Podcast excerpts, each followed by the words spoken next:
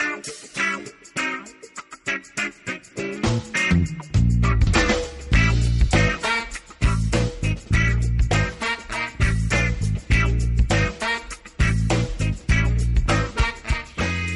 Salutacions, eh, molt bona vesprada i benvinguts eh, una vegada més a l'Endemà, aquest programa que fem, l'Endemà del plenari, per tal eh, de tractar els temes que apareixen, els temes que interessen a la gent d'Alzira.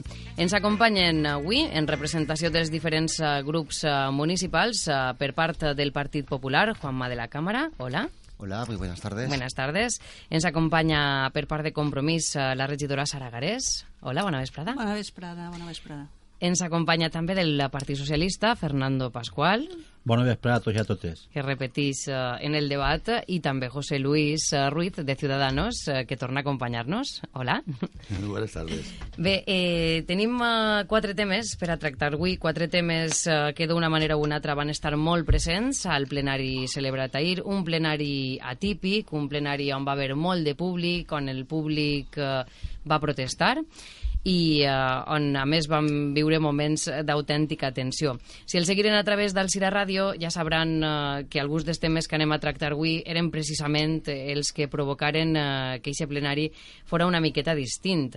I d'ahir aquests temes que hem escollit eh, per tractar. Començarem parlant de l'educació concertada, que si bé no estava en ningun punt de l'ordre del dia, va estar molt present eh, perquè, com vostès saben, eh, ha hagut eh, la supressió per part de Conselleria d'Educació d'una unitat de batxillerat en el Col·legi Concertat La Puríssima d'Alcira i eh, tant els pares com els alumnes, eh, sobretot els de quart de l'ESO, que són els afectats eh, per aquesta supressió, es van mostrar eh, molt enfadats, eh, recriminaven a l'alcalde que no haguera canviat aquesta situació i ell mateix eh, va explicar eh, també les gestions eh, que havia fet per tal mm, de saber quins motius tenia Conselleria per haver fet eixa supressió d'eixa unitat de batxillerat que afecta 34 alumnes del Col·legi La Puríssima.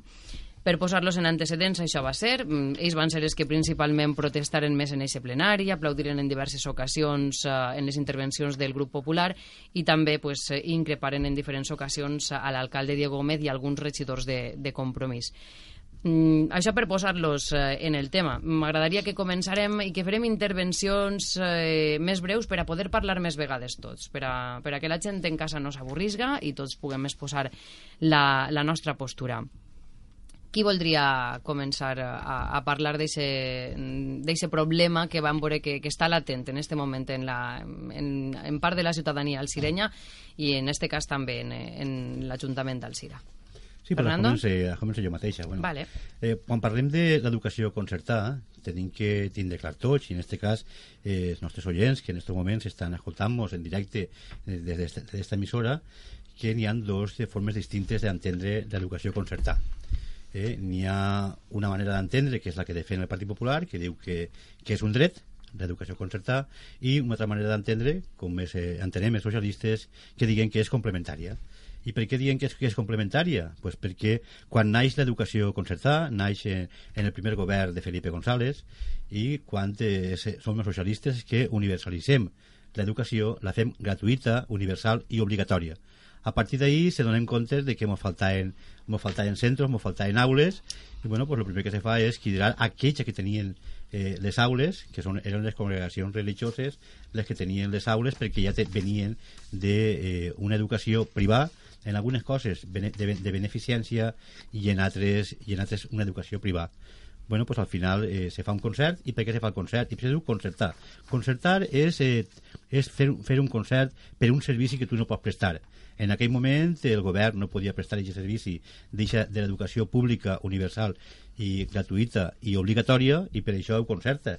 En aquests moments, ja tornant al cas que ens trobem en, en el CIRA, bueno, pues en aquests moments el Col·legi de la Puríssima eh, n'hi ha un altre institut que té places disponibles i, per tant, eh, prima l'educació pública antes que la concertada. És a dir, que si tenim els mitjos suficients i les aules suficients per atendre als alumnes, els atenem des de lo públic. El que no podem fer és pagar dos vegades per la mateixa cosa.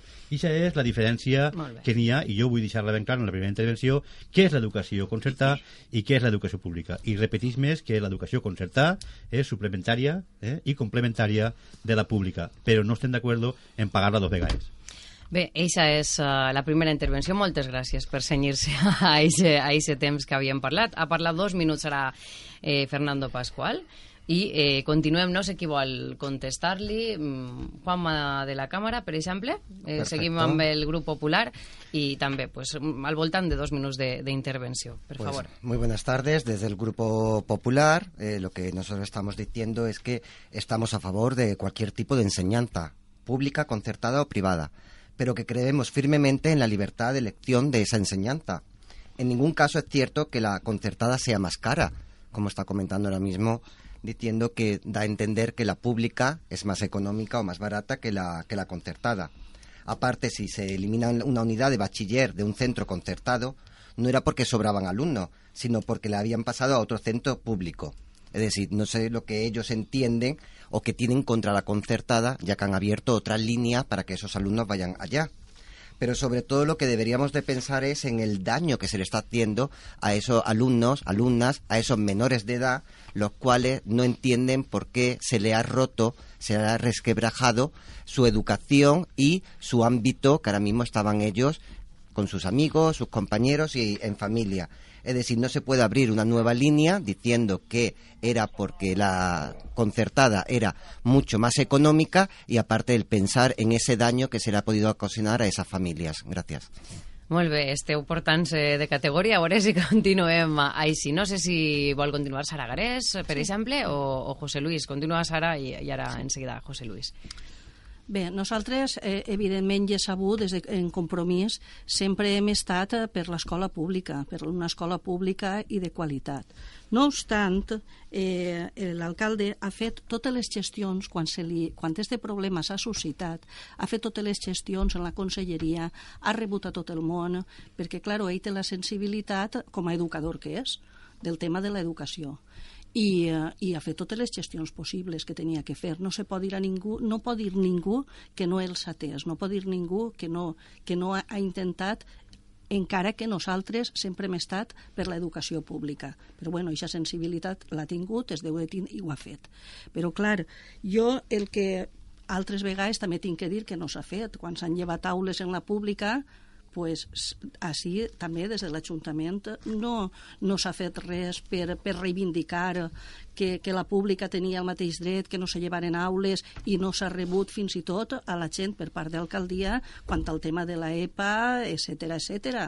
Però bé, jo sempre dic que, que hem de fer el que hem de fer, el que creguem que hem de fer, no el que ens fan o el que s'ha fet. Eh? Nosaltres seguim en la línia de, de, del que tenim que fer i aconseguim eh, a pesar de que nosaltres, bé, el tema de... Jo entenc també que els xiquets pues, tenen uns costums, tenen un, un, un de, en, la, en la concertada que van, tenen els seus amics, tenen... jo tot això ho puc entendre, però jo tampoc entenc fins a quin punt puga ser tan traumàtic perquè en, les, en els altres col·legis me poden argumentar moltes coses, però n'hi ha altres col·legis concertats en el CIRA que quan s'acaba se'n van a l'institut. I aquestes línies no les tenen, se'n van a l'institut. I jo no crec que tinguin aquests traumes els xavals tampoc, per aquest motiu. Bé, esa és uh, l'exposició de compromís. Moltes gràcies. Uh, I ens falta saber la postura de Ciudadanos. Per favor, José Luis. Vale, gracias. Buenas tardes. Mira, vamos a ver. Nosotros no estamos en contra de la concertada. Y estamos a favor de la pública y estamos a favor de la concertada. Creo que cada persona o cada padre eh, tiene el derecho de llevar a su hijo al centro que quiera conveniente arreglo a la, edu a la educación que puedan dar en un sitio. Posa't, per favor, davant el micro, José Luis. En un sitio, Gracias. en un sitio o en otro. Vamos a ver, eh, por, eh, por parte nuestra no queremos que se pague dos veces, porque el crío que va a la concertada no va a la pública. Luego no tienen ningún gasto en la pública, tienen el gasto en la concertada. Si yo creo que la educación que se da en un centro es superior al otro, creo que estoy en mi derecho, si puedo, de poder llevar a otro colegio a mi hijo y no donde quieren que, que lo lleve. Vamos a ver, aquí hay unos plannings que tú tienes que llevar a tu hijo a la pública que está más cerca de tu casa o que está donde ellos creen que tiene que ir tu hijo. Si, por ejemplo, hay, hay un, un privado que yo creo que la educación, o sea, un público, perdón, que creo que la educación que están dando es superior a la de al lado, porque tengo que ir yo al de al lado si creo que el otro es mejor, porque no lo puedo llevar. Hablando de la pública, ¿eh? O sea, no estaba hablando de la privada. Y yo, eh, ya lo dije la otra vez, eh, tengo dos hijos y yo creo que la educación que le dieron al mayor fue superior a la que le dieron al pequeño. Porque el mayor estuvo en un colegio concertado, me costaba el dinero llevarlo. Pero cuando veían cualquier tontería ya estaban llamándome y estaban diciendo lo que estaban viendo en el crío. Mientras que en el otro, en la pública, en la pública no me enteré de nada. Si quería enterarme algo, tenía que hablar con los profesores, decir que, que quería hablar con ellos, a ver cómo iba el crío o dejaba de ir. Entonces, vamos a ver, si no quieren eso, en otros países dan cheques pa- para la educación. Que den cheques a la gente que quiera ir a, a la privada y con ese cheque paga la diferencia lo lleva a la privada. Y ya no hay ningún problema. Mi hijo tiene derecho, por ser español y los impuestos que pago, a tener el colegio. Uno u otro. Si no va uno, que le den el dinero para el otro. Eso es lo que queremos. Molt bé, molt bé esta primera ronda d'intervencions, eh? M'esteu fent dos minuts clavats tots i els oients jo crec que ho agraeixen. Continuem uh, parlant uh, Sí, d'este pues yo sí assumpte. que voldria, pues, en primer lloc, contestar-li al representant de Ciudadanos, no? I dir-li que no comparteix, eh, vamos, eh, res, de lo que, res de lo que ha exposat, i simplement jo el convide a que ara en companyia del PP en les Corts eh, espanyoles faça el mateix que diu vostè així eh, perdona, el mateix que dius tu perquè així no, és, és un més d'estar en la taula eh, el mateix que dius així dis, dir-ho també als teus representants en les Corts eh, espanyoles i que junten el PP a veure si sou capaços de, de fer el mateix que acaba de dir així. Disparate major, perdona que te ho diga no acaba de sentir. Tirar per baix constituïdes a la- a l'escola pública no la, de veres que compartís gens ni miqueta. Jo dic que l'escola pública és una escola de qualitat excepcions ne deuen d'haver com en tots els puestos però el que acabes de dir i si ho has viscut en la teva persona possiblement com a pare no hagis fet el que te tocava i ho dic així d'enfadat un poquet José Luis perquè és que has tirat, has tirat per terra a lo que és l'escola pública i jo crec que l'escola pública és una escola de qualitat eh? i jo no, no dic que la de concertar no ho siga al contrari, jo dic que, que és un tipus d'escola distinta i per això he dit que eh, el tema, el tema de la concertar dic jo que és complementària. I tornant a lo que era el fil de, del primer, del primer, la primera intervenció sí que dir-li al representant del PP bueno, pues que no és qüestió de, de que coste més o coste menys, això, això no ho he dit jo. Jo el que dic és que la concertar és, suple, és suplementària. Quan no n'hi ha places en la pública se contraten. I per això se diu concertar. Se contrata el servici. I quan tenim, no tenim que contratar el servici pues no se paga. I per això dic que jo no vull pagar dos vegades el servici parleu vosaltres i esteu instru- instrumentalitzant molt este tema i a mi no me pareix mal que l'instrumentalitzeu perquè de veres que teniu que fer política i si la, vosaltres el vostre, la vostra línia i estratègia en este poble és fer política de l'educació eh, me pareix bé que la feu aunque no ho puc compartir. Digueu a vegades, el, llanceu el missatge de eh, llibertat eh, d'educa- d'educativa o de llibertat d'educació i se fiqueu en els cartellets per ahí i en les camisetes. La llibertat existeix. El que no existeix eh, és eh, voler que te la pagui un altre. Tu si tens places de si tens places en, en la pública vés-te'n a la pública i si no tens places, en- no tens places en, en la pública vés-te'n a la concertar pots elegir si tens places en la concertar i en la pública però si ne tens en la pública en la concertar no se pot pagar dos vegades. Jo este discurs el faré i el repetiré eh, i dic que crec que, en la, acabant, crec, que, en- Fernando. crec que en la concertar sí, però pagar dos vegades per el mateix puesto no. S'ha acabat el contrat i quan s'ha acabat el contrat no se pot pagar més. Bé, Juanma, con, per continuar en l'ordre que estàvem Perfecto, abans. estupendo. Pues sí, decimos eso, que el derecho a la libertad de elección de modelo educativo no puede estar sometido, sometido a esas coacciones e imposiciones de los tripartitos valencianos y sobre todo de este, del, del alcireño. Cabe destacar, pues, lo que estamos aquí hablando en la mesa, un poquito de demagogia, por supuesto, porque sobre todo nos duele bastante que se haya mentido a los estudiantes y a los padres de la Purísima al hacer creer que se le iba a ayudar, pero que se ha anulado esa unidad didáctica, esa unidad de, de la línea de bachiller, cuando sabían perfectamente que no había nada que hacer. Además, se denuncia que eh, nuevamente eh, el alcalde no haya contado toda la verdad, ya que sabemos que él fue a la consellería, pero claro, qué casualidad que la consellería está dirigida por su propio partido también. Entonces, cuando la realidad era otra y estaba dando otra imagen. Además, es increíble que este tripartito hable tanto de la escuela pública, de su calidad, cuando en el propio tripartito han estudiado en la Universidad Católica, llevan a su hijo a colegios concertados, pero ellos están dando un ejemplo que no es el que después están demostrando en el ayuntamiento y lo que están ellos diciendo. Gracias. Molt bé, continuem uh, com abans. Per favor, Sara Garés. Bé, jo um, subscric moltes coses de les que el, el senyor Fernando, perquè així dic que estem tots a la mateixa taula i, i trobo que, pues, clar, que té raó en el que està dient. Clar que sí.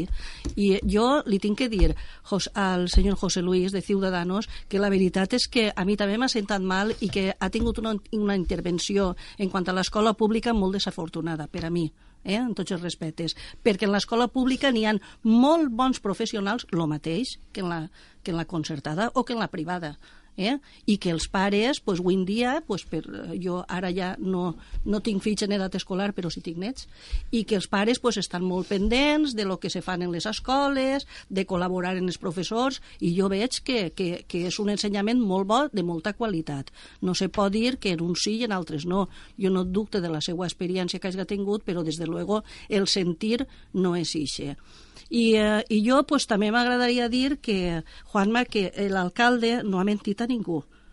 El alcalde no ha mentit a ningú. Que siga, no, dicho la palabra que, mentir. que siga el conseller, que siga el conseller del mateix partit, això no significa que el que jo he dit, que per la sensibilitat que té i per l'educació i tota la gent que el coneix sap que ell se sensibilitza molt en aquestes coses, eh, pues ell hagi ganat i hagi intentat el que hagi sigut. Però és un tema que depèn de la conselleria i que l'Ajuntament ahir per molt que diguem, pues no, no, no podem fer res i tampoc perquè i nosaltres al final pues, també en la línia que estem independentment de que hagi anat, de que hagi acompanyat, però la línia de, de nosaltres és l'ensenyança pública, clar que sí. Però, des de luego, que, que, que tots saben que ha rebut a tots, que ha intentat pues, lo que en la seva mà hagi pogut fer per a casos, no sé, jo no he estat en aquestes converses, però sí que sé que s'ha fet i que ha anat. I que, I que he vist entrar allí a representants de la Puríssima a parlar i a tindre reunions. Jo tot això sí que ho puc dir. Però, des de luego, i sobretot que nosaltres no estem en contra de l'ensenyança privada. Com anem a estar? Llibertat d'ensenyar-se? Clar que sí, clar que sí. Si, si tu vols gastar-te diners i que l'ensenyança siga privada, perfecte, si te ho pots permetre i penses que és millor, tota la llibertat del món, però cadascú podem pensar que diguen que no n'hi ha llibertat d'ensenyament i de que d'elecció, que cada un puga fer el que vulgui, això no és cert. Moltes gràcies uh, per la intervenció. Continuem amb Ciudadanos. José Luis, suposo que per al·lusions. Sí, vale, voy a contestar. Mira, yo no he dicho que la pública sea mala. He dicho que hay centros, hay centros que la calidad da mucho que desear. Y si, sal, salieseis a la calle y escuchaseis a la gente muchas veces, sabríais los centros. Yo no quiero decir nombres, pero sabríais los centros que hay en Alcira, que hay varios, que la calidad de enseñanza es bastante deficiente. He, dicho también que eh, la, los niños tienen derecho, o sea, los padres tienen derecho a que su hijo vayan al colegio que crean conveniente. Y si tienen derechos para poder ir a, a, la pública por los impuestos que pagan, ese dinero que se lo den en un cheque y lo lleve donde quiera. ¿Qué le tocan? ¿10 euros? 10 euros. Que después, cuando vaya al colegio, le va a costar mil, pues los otros que los pague el padre. Y, y ahora, otra cosa, y yo por lo que he vivido, y claro, al vivirlo, igual ahora ya ha cambiado mucho la tortilla, pero vale, pero si salís sabréis que, que no. Y yo ahora pregunto, ¿dónde hay más absentismo escolar? ¿En la pública o en la privada? Hacer un estudio y veréis dónde hay más absentismo escolar. Y no digo nada más. Gràcies. Molt bé, eh, ho hem de deixar així, portem uns 20 minuts parlant sobre este tema, sempre es queda curt, però hem de tractar altres temes que també donen molt de xoc. Eixa reversió de l'hospital, que està donant molt que parlar i encara ens queda ara ja menys d'un any. Com saben, el contracte de Rivera Salut acaba el, el pròxim dia 1 d'abril i eh, ahir ve la controvèrsia entre aquells eh, que defensen que es continue amb, eh, amb aquest contracte, que es renove per tal de que la gestió continue sent privada i eh, aquells altres eh, grups i, i plataformes que també hi ha en els dos sentits que defensen que l'Hospital de la Ribera ha de ser públic, de gestió 100% pública i que per tant eh, estan en aquesta decisió en companyia de conselleria. També hi ha hagut eh, ahir molts eh, temes de debat, com què passarà amb el personal, què passarà amb els serveis, i de nou ahir, i a través d'una moció, presentada de forma eh, externa, que va exposar allí una representant eh, de, de comissions obreres i d'altres uh, instàncies eh, de l'hospital i del personal de l'hospital va voler que l'Ajuntament recolzara en aquesta moció que aquesta reversió es poguera fer efectiva i, i d'esta forma mm, va ser l'equip de govern, els tres grups que hi han, els que votaren a favor, eh, Ciudadanos es va abstendre, crec mm. recordar, i el Partit Popular va, va votar en contra d'aquesta moció. Dit això, pues, eh, no sé qui vol uh, començar ara. Fernando, mm. és que li diuen que comença sempre. Bé, però I ell s'arrima al micro i ja micro està. I sense ningú problema. Endavant. Bueno, pues, eh, este és un altre tema en el que tenim diferències ideològiques, evidentment. Eh, el Partit Popular eh, pues pensa que la sanitat en este cas defèn, defèn i ho, veiem, i ho defèn a ultrança, no? defèn el model Alcira. El model Alcira és un model de gestió eh, de gestionar la sanitat de forma privada. Eh?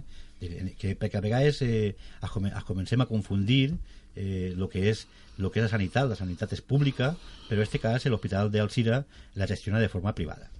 I ahí és on, on mescla un poquet, i claro, tinc que dir sempre qui ho mescla, no?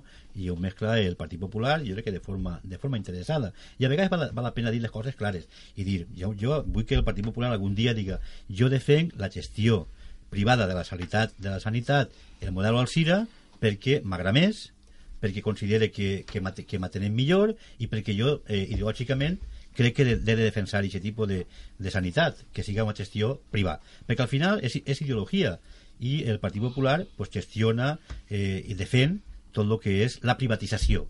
No, no és qüestió que jo ho inventessi ara. El Partit Popular està governant en la Generalitat Valenciana 20 anys eh, en les èpoques que ha governat Espanya també ha, ha tirat per aquesta línia perquè cal recordar que el que va privatitzar les empreses públiques va ser el primer govern d'Aznar. Per tant, eh, ideològicament eh, el Partit Popular està en aquesta línia i no passa res tampoc perquè estiga. A partir d'ahir i voler instrumentalitzar i voler, i voler fer coses distintes ja és una altra cosa que crec jo que no, no se deu de fer que no passa res perquè el Partit Popular digui això però ara dir, eh, què passarà amb els treballadors? Pues bueno, eh, mos hem cansat de repetir els treballadors continuaran igual que estan ara, se continuaran treballant.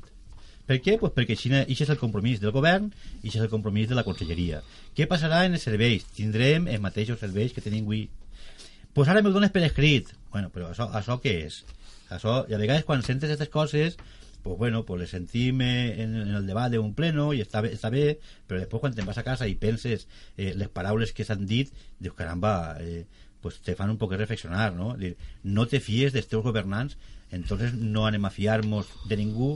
Bueno, pues la democràcia, la democràcia representativa que mos hem, que mos hem atribuït als espanyols a través de la Constitució és esta. Eh? no n'hi altra. I per tant, pues, bueno, pues anem a veure què és el que dona de si. Nosaltres eh, diguem que el contrat de l'Hospital de la Ribera s'acaba en, en el 2018 i que tot va a continuar igual i que no s'ustarà ningú, que tot va a ser una sanitat pues la pública, quina? La de sempre, pues quina? Pues la millor. Bé, així acaba la seva intervenció Fernando Pascual. Continuem, no sé si vols continuar tu, Juanma, com, com ho hem fet abans. Pues eh, sí, claro, se puede aclarar perfectamente de que el Departamento de Salud tiene gestión pública, claro. No es una gestión directa, pero sí es pública, universal y gratuita. Que cuando usted ha hablado de la universalidad en la escuela, no sé a qué se refería, pero bueno, en la sanidad sí es pública, universal y gratuita. La ley de contrato del sector público permite este modelo de gestión, es decir, se permite de que esto se haga tanto en sanidad como en educación, como eh, hemos visto también en lo, la residencia mayores que se está haciendo. El servicio que se ofrece es de tutela, es decir, pero la Generalitat tiene la titularidad pública del Departamento de Salud y la propiedad de los centros también es pública. Claro que la gente está y los trabajadores, porque hay 800 trabajadores que eh, dependen de ese jornal, el del hospital. Y hay 300 familias en Alcira que trabajan en esa empresa. Claro que las personas están preocupadas. Claro que cuando llegan y preguntan, ¿a eso qué es? Están diciendo, es que me puedo encontrar en la calle. Y claro que no se fían normal, ¿usted se fiaría perfectamente? ¿Usted se ha fiado anteriormente cuando otros partidos le han prometido algo? Ahí me queda mi pregunta. Porque la sanidad, sí, la sanidad es pública, pero lo que no pueden mezclarse es todos los comentarios que ha habido a través del tripartito diciendo que los trabajadores son una tropa, que los trabajadores son unos enchufados, que los trabajadores no saben hacer bien su trabajo y se están metiendo con personas que dan su vida, que están trabajando por salvar la vida a otras personas. Creo que son temas muy delicados tenemos solo tres minutos para hablar, pero una cosa es la empresa, una cosa es hablar de la gestión privada, hay un contrato que se termina el contrato, estamos hablando de los trabajadores que comen, que pagan su factura, que pagan aquí sus impuestos y no saben qué va a pasar con ellos, y después todos los descalificativos que han hecho desde el tripartito, desde la consellería, por la labor que están haciendo. Gracias. Molt bé, continuem uh, després d'aquesta intervenció. Per favor, Sara Garés. Sí, bueno, pues eh, dir que este govern el que demanem és que finalitze el contracte, o sigui, la, la no pròrroga de l'expedient de contractació del 2003. Volem que siga públic i que el traspàs es faci en gestió directa en total normalitat. Per lo que estem parlant, no es pot crear un conflicte en un tema de salut. O sigui, crear aquesta incertidumbre als usuaris de què va passar, si vaig a tindre tots els servicis, si no vaig a tindre-los, se van a tindre tots exactament igual en quan passe a la gestió directa. I això els té que fer saber a les persones i no els en pot donar informacions a mitges o, o, o intentar crear malestar en aquest tema. Nosaltres, des de l'Ajuntament, sempre hem estat ara parla en quant a l'empresa, sempre m'he estat exigint el tema de les inversions. Sobretot, inversions en diputació, sobretot d'infraestructures, perquè jo d'això no he sentit parlar mai en aquest temps de gestió. Infraestructures que són absolutament necessàries per tema que que no passarà mai d'un tema d'evacuació de l'hospital. Estaria la cosa molt mal, perquè no n'hi ha infraestructures que permetissin fer una cosa, fer, fer un trasllat àgil en qualsevol succés que poguera haver. I sempre m'està demanant-les.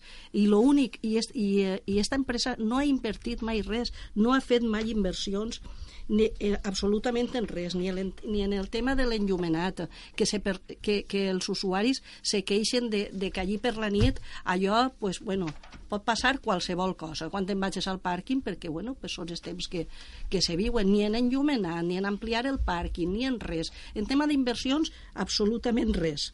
En quant a, en quant als treballadors que s'està parlant, mai, eh, jo, els treballadors, no tenim res que dir dels treballadors. Pensem que n'hi ha uns bons professionals i que els treballadors no tenim res que dir ni en quant a treballadors ni en quant a servici. De l'únic que parlem és de la gestió. O sigui, estem parlant de l'empresa, de que no se fan inversions, els treballadors els ha assegurat el, el lloc de treball. I clar, i des, però l'empresa, des de luego, o sea, segons, segons ens remeten eh, informes de, del Departament de Recursos Humans que ara estan demanant documentació, allí s'han fet obres en l'hospital i per a que es veja de quina manera és, n'hi ha un 87 més per, per cent d'ocupació que antes no estava i no s'ha donat compte a la conselleria per res. Per què? No se dona compte de res dels tràmits que se fan allí en este sentit, ni d'obres ni d'altres coses de llicències que ara ens, ens, les, ens les estan demanant. Però en quant als treballadors, no tenim res a dir ni als servicis tampoc. Estem parlant de salut i que la salut té que ser pública.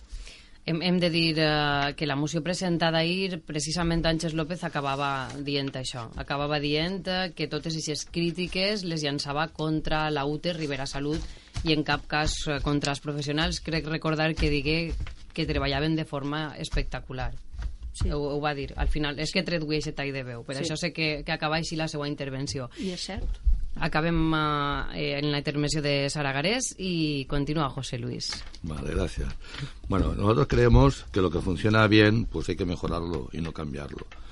No estamos en contra ni que se privatice más, ni que sea público, ni nada. Queremos tener unas condiciones como hemos tenido hasta ahora. Que se termina el concierto y lo quitan, están en su derecho. O sea, yo no digo que no. Pero después van a mantener todos los servicios como hemos tenido hasta ahora. Es un, un hospital que es referente en Europa. Antes era la fe y resulta que ha pasado a ser Alcira. Por algo será. Que no han hecho inversiones. ¿Alguien se ha preocupado de, de decirles que las hagan? Que lo hubieran hecho. Pero es que se ha montado todo de golpe. O sea, que nosotros no estamos en contra mientras tengamos el mismo servicio. cuando aquí no había hospital, que estaba solamente Santa Lucía, que todos pedían un hospital comarcal, en, en Valencia no había ni, dinero para nada. Sí que es verdad que entró el Partido Popular y hizo el concierto este. Y el edificio lo hizo el- los gestores de ahora. No lo pagó la, la, la Generalitat. Es público porque se acordó eso, que yo sepa. Entonces, si se termina y nos dan el mismo servicio, oye, de categoría. Pero es que se, se ha montado un follón de que sí, que no, que pitos, que flautas. Y lo del personal, yo me, me remito a lo que había antes. Mucho tiene que haber cambiado la ley para toda la persona que no sea estatutaria o funcionaria pase a, a la Generalitat. Tendrán que hacer algo, alguna trampa rara para que se quede la gente. Porque la ley no lo permite. Has acabat Sí, sí, terminat. la intervenció. És que s'ha cenyit tant el temps que dic, el, el, si vol el deixa un poc més. Continuem amb la següent eh, ronda, per favor, Fernando Pascual. Bueno, pues yo con- intentar intentar clarificar pues quina és la nostra, la nostra postura sí, no? I entonces, eh, evidentment que l'hospital l'hospital eh, naix en l'any 1999 naix en una forma de gestió primer que res eh, deixar ben clar pues, que els professionals de l'hospital pues, són un gran professional ningú està dient lo contrari i sobretot és que som usuaris eh, de l'hospital i jo he sigut un dels primers usuaris en l'any 99 que va, va, va, va estar en aquest hospital acaba, acaba d'estrenar El vas voler estrenar el va, tu. el va voler estrenar, vas tindre un, un infarto fulminant i, i el vas tindre, no? Per tant, jo confio i vull continuar anant, no? continuar amb les revisions, per tal, eh, jo com a professionals de, de, del meu hospital no tinc res en contra. Eh? El que tinc en contra és, eh, de la UTE, no me, pareix, no me pareix bé el comportament que està fent intentant amagar, amagar la documentació, què vol dir això? Què, què passa? I sobretot me pareix mal que el PP estiga apoyant aquest tipus de decisions no ho entenc. A mi me pareixeria bé que el PP diga, bueno, jo vull continuar i que siga, siga eh, un hospital gestionat des d'una UCI perquè crec en aquest sistema i a mi me pareix bé, però estar eh, apoyant a l'empresa no me pareix del tot correcte. I això és la veritat. Estan apoyant eh, que no se done la informació que toca al govern valencià. Eh? Ja poden demanar, ja poden demanar informacions. Ara n'hi ha un nou, nou comissionat i tampoc té, tampoc té ningun tipus d'informació. Se va intentar des de, la, des de la conselleria ara reforçar aquesta oficina perquè no hi ha manera. Eh, des de l'Ajuntament del Sira, i ho ha dit antes la meva companyera Sara, hem intentat, hem intentat que este hospital eh, se ficara d'acord en l'Ajuntament per a millorar la il·luminació d'urgències. Res, hem intentat inclús eh, que la, la empresa del pàrquing de, de l'hospital, que és propietària de tots els terrenos alrededor de l'hospital, mireu si són listos, eh?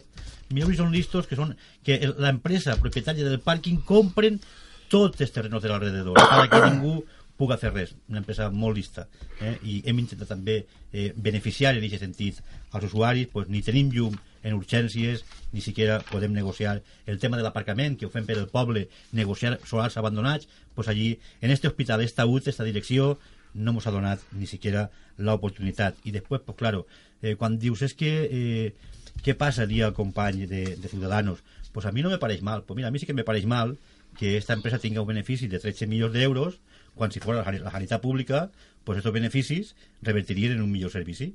Diràs, Això és la diferència de gestió. Una gestió privada va a per els diners. Una gestió pública va a millorar el servici.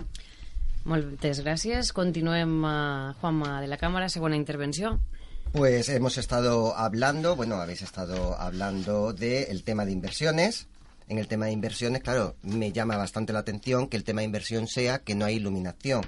A ver, inversiones, el Hospital de la Ribera ha hecho ya más del 97% del compromiso que tenía adquirido en el contrato. Es decir, eh, Rivera Salud ha hecho una inversión de 139 millones de euros. Es decir, casi 4 millones de euros al año en todo este tiempo. ¿Y en qué se ha gastado todas esas inversiones? Pues claro, en la alta tecnología.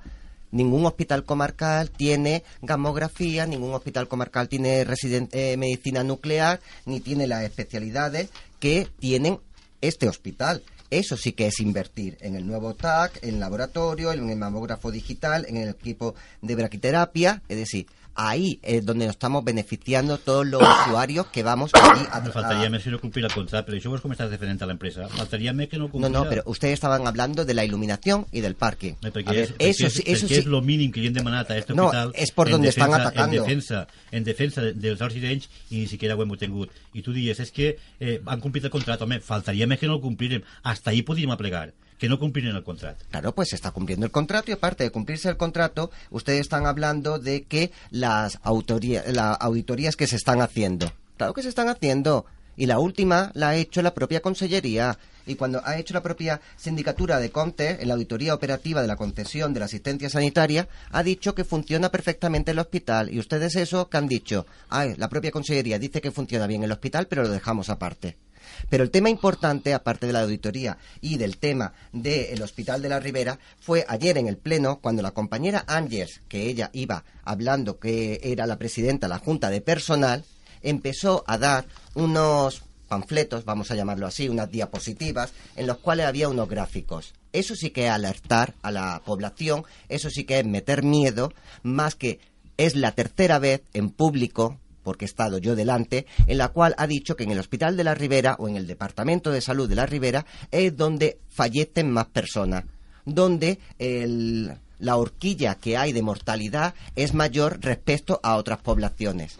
Va, indica y da unos panfletos, unos gráficos que son de la Consellería de Sanidad, es verdad, hoy he estado mirando toda esa información y claro, es información epidemiológica y son unos datos estadísticos. Lo que tú no puedes es dar un dato estadístico sin explicarlo. Esta señora lo que se ha callado, no sé si por desconocimiento, pero em, primero de carrera en medicina se habla perfectamente de lo que son los determinantes de salud y los determinantes de salud es fácil. Este está diciendo que el 50% de que una población, de que en una zona personas puedan fallecer, no puedan fallecer o tengan algún tipo de enfermedad es ese 50% por el estilo de vida. Hay un 20% que es por una herencia genética, hay otro 20% que es por el ambiente, a lo mejor por el agua que están tomando, por los nitratos, por el tema de insecticidas, y si hay un 10% que puede ser por el sistema sanitario que hay. Pero esta señora lo que no puede dar es y decir que en este hospital, en este departamento, la mortalidad es mayor que en otro departamento. Eso sí que es alertar, pero ella va diciendo con una carta, con la plataforma y con la Junta de Personal, para que el señor alcalde apoye y apoye esta información que ella ha dado. ¿Ustedes también están apoyando esa información? Que en el Hospital de la Ribera donde hay más mortalidad. Pues si eso no es alertar a los ciudadanos. Anem acabant. En estos segons en esteu passant una miqueta del temps, eh? Fernando, un minut i Juanma dos minuts. Ara intentarem compensar-ho, eh? si volen, Sara i José Luis. Ho compensarem. Bé, eh, jo per lo que s'està dient que no va ser lo mateix i tal, a veure, així porta un escrit de la directora general de l'Alta Inspecció Sanitària, Isabel González Álvarez, que, vamos, jo no crec que signe cap d'escrit dirigit a l'Ajuntament diguen el que diu i que no siga de veres. Clar, no anem a pensar això. Així, tot el que està documentat i està signat, i diu el canvi de gestió pública directa del Departament Sanitari de la Ribera s'està fent amb totes les garanties i, i, i amb la vista posada sempre als pacients i ciutadans. I en un altre apartat, els professionals que li atenen a per, en quan parlem dels treballadors. Els, profe els professionals que li atenen ara continuaran atenent-li a partir del dia 1 d'abril del 2018, ja que la seva situació laboral es va a respectar i cal esperar que mantinguen el nivell de qualitat actual, que jo no ho dubte.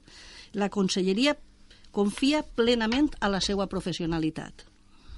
L'Hospital de la Ribera mantindrà a partir del dia 1 d'abril de 2018 tots els servicis que actualment presta a la població i no se'n suprimirà cap. Això és la directora general de l'alta inspecció. En quant a lo de les, lo dels, uh, lo de, lo de les inversions, pues, pues sí, pues hauran fet moltes inversions en aparatos i això, però bueno, si n'hi ha una contractació feta, jo crec que se té que dir, se té que informar, perquè així tenim un altre escrit dirigit al, a l'alcaldia del senyor director general de Recursos Humans i Econòmics de la Conselleria que diu que la Conselleria la, la, informació que, la informació que té és que en l'actual fitxa catastral s'indica una superficie construida de 69.762 metros cuadrados, por lo que se ha producido un importante incremento en la construcción hospitalaria en torno al 87% respecto del inicial. Però per què tot això no es diu? I per què s'estan demanant ara llicències, però si no passa res. Si les coses se fan ben fetes, sempre estan ben fetes, i nosaltres hem estat sempre perquè l'hospital funcionara, encara que nosaltres de, eh, eh, apoyem el que vaig a, a públic quedant-se sempre en el que està. Eh, I en quant a les inversions, doncs pues mira, José Luis, eh, tenim que dir-li nosaltres a l'empresa que vaig a, a pelear a València per a que, i que se facin inversions i que fa... nosaltres no li ho tenim que dir, ells tenen el contracte fet i ells són els que tenen que procurar aparcament i procurar qualitat als usuaris en tots els sentits. I els treballadors, pues, el que he dit. Si, que, que no són funcionaris, pues bueno, quan estaven en l'Hospital Santa Lucía, jo recorde molts anys, també eren, eren funcionaris municipals, no eren funcionaris de la conselleria, i, i passaren als ambulatoris i passaren tots els dies vostè, a lo millor no, però molt sí. Com ho feren, doncs pues no ho sé. Però ell no va voler Ara continua José Luis, que li toca el torn de paraula i així no contesta, que està fent-li gestos dient que ell no, que ell no. normal. va- Vamos a ver. Eh, me vuelvo otra vez a decir lo mismo. Ni estamos a favor ni estamos en contra. Que se hagan las cosas bien y palmas. Pero ayer, la persona que habló diciendo que aquí se mueren más, que, que los, los ambulatorios no tienen gente, porque es e- ese centro, eso es falso. Porque si te vas a la Baida al Baida, los pueblos pequeños los fines de semana se concentran la- las atenciones de urgencias en un pueblo nada más, que es lo que está pasando ahora aquí eh, en los pueblos de- de limítrofes. Que se amplíe, me parece de maravilla. En lugar de un médico, no, dos. Aquí tenemos dos ambulatorios y solamente está abierto uno. Tenían que estar abiertos los dos. Y en lugar de haber un médico, tenían que haber dos médicos. Pero es que la gente también es cabezota porque se va directamente a urgencias sin pasar por el ambulatorio. Si fueran aquí al centro de salud y masificar al centro de salud, al final pondrían dos médicos. Pero si aquí no vienen, se van al otro, masifican el otro. Es que eso, eso es normal. Y faltas de inversiones, eso es verdad. Lo de la luz, por ejemplo, yo he hablado muchas veces con Fernando, según tengo entendido, tenía que haber puesto 20.000 euros para poner la iluminación y no los han puesto. Si no los han puesto porque se lo quieren quitar y quieren levantar, vale. Pero también es verdad que si Consellería tiene una concesión para dar un servicio, es la obligación también de Consellería de, mandar todos los meses, si hace falta, un inspector allí para ver si se está cumpliendo lo que lo, lo- lo que se ha escrito. Y si no, si lo dejas abandonado, pues claro, tu hacienda te vea, o sea, tu, de- tu hacienda tu amo te vea, sino que te venda, que es lo que está pasando ahora. Molt bé, hem acabat també el tema de la reversió de l'hospital i, i jo he de dir que és magnífic, que, que cadascú defenga el, un model diferent de gestió, tant en l'educació com en la sanitat i que ho puguem parlar així tranquil·lament. I- Què i- passa, José Luis, que volies acabar, No, sí, perdona. eh, eh, eh, Per, per què no passa? contestar, no contestarlo. pasa al? Cuando yo ah, estaba en ok, el- claro, es que, perdona, nos habían quedado Cuando yo estaba en el ¿sabes? hospital de Alcira, habíamos 10 personas interinas. Ocho personas fueron con un abogado de UGT y dos personas fuimos con otro abogado de UGT. Eh, según la ley, eh, una persona que está in- interina no pueden despedirla y contratar a otra persona en su sitio. A mí me despidieron antes de, de- de eso porque Consellería dijo que las- los que estaban interinos no los quería y contrataron a otra persona en mi sitio. En el libro de familia ponía que se despedía a fulano de tal, interino, y se contrataba a fulano de tal. Y por H o por B, yo no sé si fue por, bueno, por lo que sea, que eh, eh, ganaron ocho y dos perdimos. Pero es que lo más bonito de todo es que esos dos se presentó el recurso fuera de plazo. Entonces no tuvimos derecho a nada. Bueno, ahí està clar que han hagut irregularitats es que, la, se- segons seu que puede haverlas aquí también. Sí, és, mm, Jo, millor que no, eh? esperem que no hi hagi... Esperem que no, eh? Llavors, Luis. Luis, tu estàs, no. contant, estàs contant el teu cas, el teu cas és un cas, un cas, un cas d'excepció. Perquè si no, no tenim temps, eh, són, són anem temes, acabant. Són temes de que en aquell moment pues, eh, els eh, distints, distints a estes, este hi ha un compromís. ¿vale? Així hi ha un compromís del govern valencià. I és que tots els treballadors van a passar a, eh, di directament. ¿vale? En la fórmula, la fórmula que eh, és la que és, que és l'indefinit no fijo, i van a passar tots, tots els treballadors i no ens cansarem de repetir-ho eh? i quan a vegades se diu eh, és que el, tripa, el tema. sí, però me deixes un mi Sí. segon només eh, és que, és que eh, el representant del PP ha dit ha fet una acusació, diu és que el tripartito eh, ha insultat els treballadors jo que sàpia és que estem així, tant Sara com jo no hem dit, i formem part del tripartito Mai. no sé en quin nivell no sé en quin nivell has dit José María, de que eh, el tripartito, no sé en quin nivell, però jo te demanaria que digueres en quin nivell s'està dient i està insultant els treballadors, perquè que jo crega en l'ambient de l'Ajuntament d'Alcira i per almenys en els partits que representem vosaltres, jo crec que ningú, a ningú nivell, a Sant jo sé, i si tu saps més d'això, eh, noms i apellidos, qui són els que estan insultant els treballadors i qui són els que estan dient que són les paraules que has dit, que jo no vaig a repetir-les. Jo crec que així els treballadors hem dit que són professionals de qualitat, hem dit que són bons professionals i a més estem apoyant els treballadors perquè passen tots sense ningú tipus de discriminació. Ho hem de deixar. No sé si vol contestar Juanma molt ràpidament per al·lusions, perquè ja Pues havíem deixat por este alusiones tema. no estaba hablando del tripartito de Alcira, estaba hablando de la consellería, pero que el tripartito de Alcira, los comentarios que hacen a veces sí son dañinos y como siempre en contra de todo lo que hace el PP. Y si no me atengo al último Facebook que pueden ver ustedes de Aida Ginestar, en el cual su comentario es, ja, ja, ja, pero quedan iglesias en cara, ¿no las han quemado todas? Muy Això- bien que això, no Això estén... no té que veure l'hospital. A Per ver, als treballadors. eh, ay, estamos José hablando María. del tripartito, estamos hablando Sí, però, a veure, de però lo que han tu has- dicho. Però si estem parlant, Però estem parlant de estem l'hospital. parlant de l'hospital. Estem parlant dels Sí. treballadors. I tu dius que els treballadors, nosaltres els insultem. I jo te demane que... He que, dicho que, el tripartito de la consellería, el número 3 de consellería, fueron Insulta las a palabras. trabajadores. Ahí dijo que eran una tropa. A ver si eso no es un insulto. Però jo crec que això ho va dir dins d'un context i que me pareix molt bé que tu ho digues, eh? però se va dir dins d'un context, jo crec que informal, i a vegades se parla, i jo pense quan ha, ha fet les teves afirmacions de que el De fet, va dimitir insulta, esta persona, crec que eh, va haver de quan- dimitir quan per tripartito- comentario. Sí, va- i va demanar disculpes perquè això per és paraula molt demanar disculpes davant de tot, eh? a l'hospital, si no recorde mal, a demanar disculpes. Sí. Per tant, eh, jo crec que el que has dit, pues, bueno, ho has dit en l'eufòria del debat, me pareix bé, però jo que m'ha sentit un poc eh, fotut i dic que el tripartito insulta els treballadors quan tenen en compte que tots estem anant a aquest hospital i claro, eh, i tots estem en mans de No, claro, professionals igual- d'aquest hospital i reconeguem de tots deixar. que són professionals eh, magnífics Claro que sí, aparte cuando hay familiares del tripartito que trabajan también en el hospital. Comprendo Deixem-ho que no se van a insultar a ellos mismos. Clar que sí. Jo penso que en el tema dels treballadors, tots, i quan dic tots, eh, és tots, hem d'estar eh, esperant que la conselleria complisga això, perquè Sí. es tracta de moltes famílies de la Ribera, Sí, moltes que- famílies d'Alcira, i jo crec que tots hem d'estar a veure si es complix aquesta paraula, i si no, exigir responsabilitats. i ahí estarem per exigir que la paraula se complisga i este govern ha demostrat que som de complir la paraula Bueno, si se quedan todos y se mejora el servicio, te felicitaré. pues Molt ja pots felicitar-nos d'antemà que anem a millorar-ho ho escoltarem així en el- l'endemà. Ara, ens hem passat uns minuts de, de tema i és que el que ve ara ja van a veure vostès com eh, és també molt interessant. A més, un tema que preocupa molt a la ciutadania alcirenya i que preocupa especialment als comerciants de Pérez Galdós. Avui és 1 de juny, han començat les obres de canalització i millora d'aquesta canalització pre precisament Mm, unes obres que l'equip de govern s'ha compromès a que han de durar només dos mesos, que tenen que acabar el dia 31 de juliol i eh, que a més eh, serviran eh, en primer lloc per a que no es perguen 200.000 litres mm, cúbics o no sé com, com Anuals. funciona això, anuals i després eh, servirà per a fer voreres més amples, continuar amb aquest pla d'arbratge i de més, per posar-los en antecedents si és que algú no s'ha enterat de que avui anaven aquestes obres que, que estan generant molt de debat. Nosaltres avui així també volem eh, tractar-ho, a més jo crec que és un dia ideal per a fer-ho, perquè avui precisament s'han posat en marxa. Seguim en el mateix ordre, mentre no me digueu el contrari? Pues, Bé, seguim, no? seguim el que diga José María eh?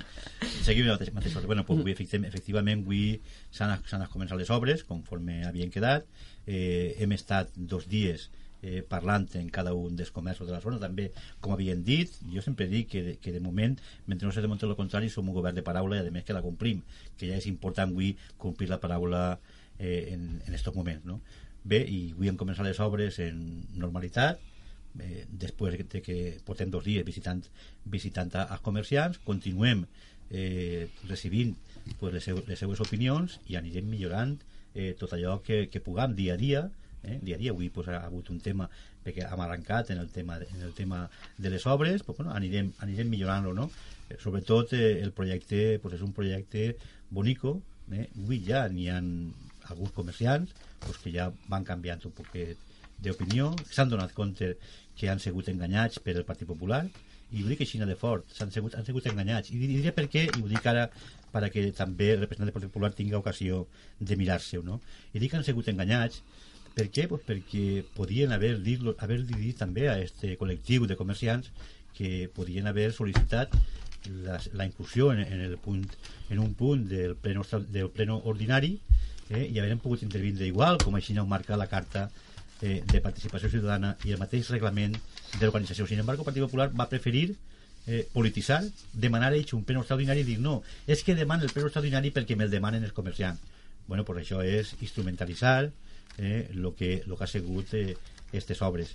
I per això ho dic, perquè ahir, ahir per exemple, pues, la plataforma eh, de defensa de la sanitat pública en la Ribera eh, va demanar i va sol·licitar incluir un punt de l'ordre del dia se va incluir, com aixina, com aixina està, està reglamentat, i va intervindre. I per què el Partit Popular això no ho ha fet? perquè ha volgut, pues, com jo he fet ja i ho he manifestat, en alguna manera, instrumentalitzar aquest tema, enganyar, enganyar els comerciants, perquè, perquè els ha enganyat, els ha enganyat, eh? no els ha dit, no els ha dit les coses com eren, eh? i bueno, pues ara eh, la pregunta que tu fes és que han començat les obres, les obres han començat bé, i com som un govern de paraula, aquestes obres s'acabaran en dos mesos. Moltes gràcies, eh, Juanma, por favor. Pues eh, claro que nos hemos enterado y sobre todo por las redes sociales cuando hemos visto que todo el mundo en las redes sociales ha estado hablando sobre ese eco de ese desastre que ha habido de tráfico, de las personas que no han sabido por dónde poder dirigirse, qué poder hacer, esos atascos y esas incomodidades que se han creado a la población y a las personas que han querido acercarse o poder desviarse porque no había ningún tipo de información de cómo poder moverse. Aparte, no se ha pensado si hay que tener alguna evacuación, por dónde se va a evacuar a esas personas que viven en esa zona, tanto que hablan. Y de ser engañados, me extraña que digan cuando ser engañados, cuando hace años, desde que la moción de censura que se le hizo al señor Blasco, no hubo tantos abucheos ni tampoco tantos decrimentos que se le ha hecho a este tripartido en esa moción que usted está hablando. Has acabat, Juanma? Sí.